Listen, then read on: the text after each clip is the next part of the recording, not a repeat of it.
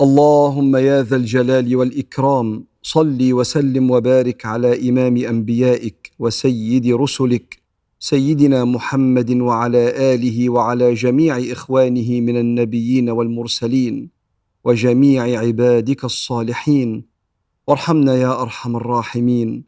اللهم أخرجنا من مواطن الضيق إلى أوسع طريق فإنك يا مولانا نعم المولى. ونعم الرفيق.